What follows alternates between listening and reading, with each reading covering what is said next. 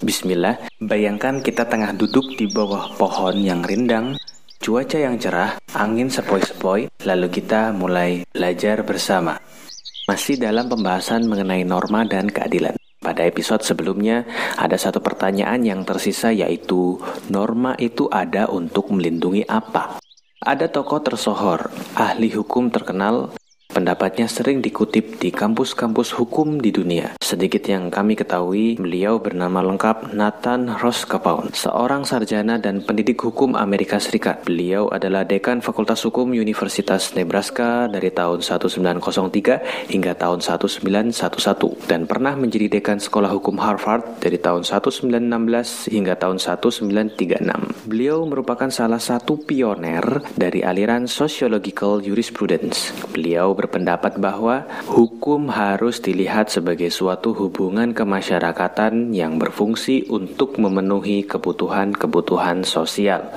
Salah satu pendapat beliau yang akrab di telinga para mahasiswa Fakultas Hukum adalah Law a Tool of Social Engineering, yang apabila kita terjemahkan, hukum sebagai pranata sosial atau alat untuk membangun masyarakat. Menurut beliau, keberadaan norma adalah untuk melindungi kepentingan kepentingan-kepentingan. Adapun kepentingan yang dilindungi adalah yang pertama adalah kepentingan umum atau public interest. Hal ini meliputi kepentingan negara sebagai badan hukum yang punya tugas memelihara hakikat negara dan kepentingan negara sebagai penjaga dari kepentingan sosial. Kita ambil contoh begini. Negara dapat memelihara hakikat negara dengan membuat kebijakan-kebijakan yang mengatur mengenai pertahanan dan keamanan negara. Contoh Contoh lainnya, negara juga mengatur hal-hal yang berkaitan dengan regulasi kestabilan ekonomi.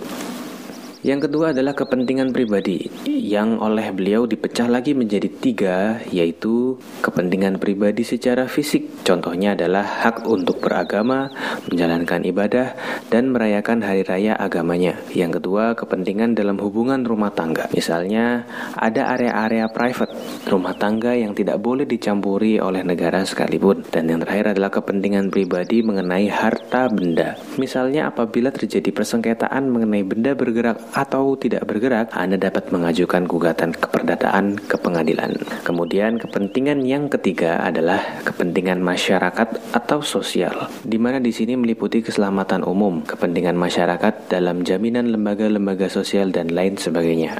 Mari kita intisarikan pembelajaran kita pada episode kali ini. Norma itu ada untuk melindungi. Melindungi apa?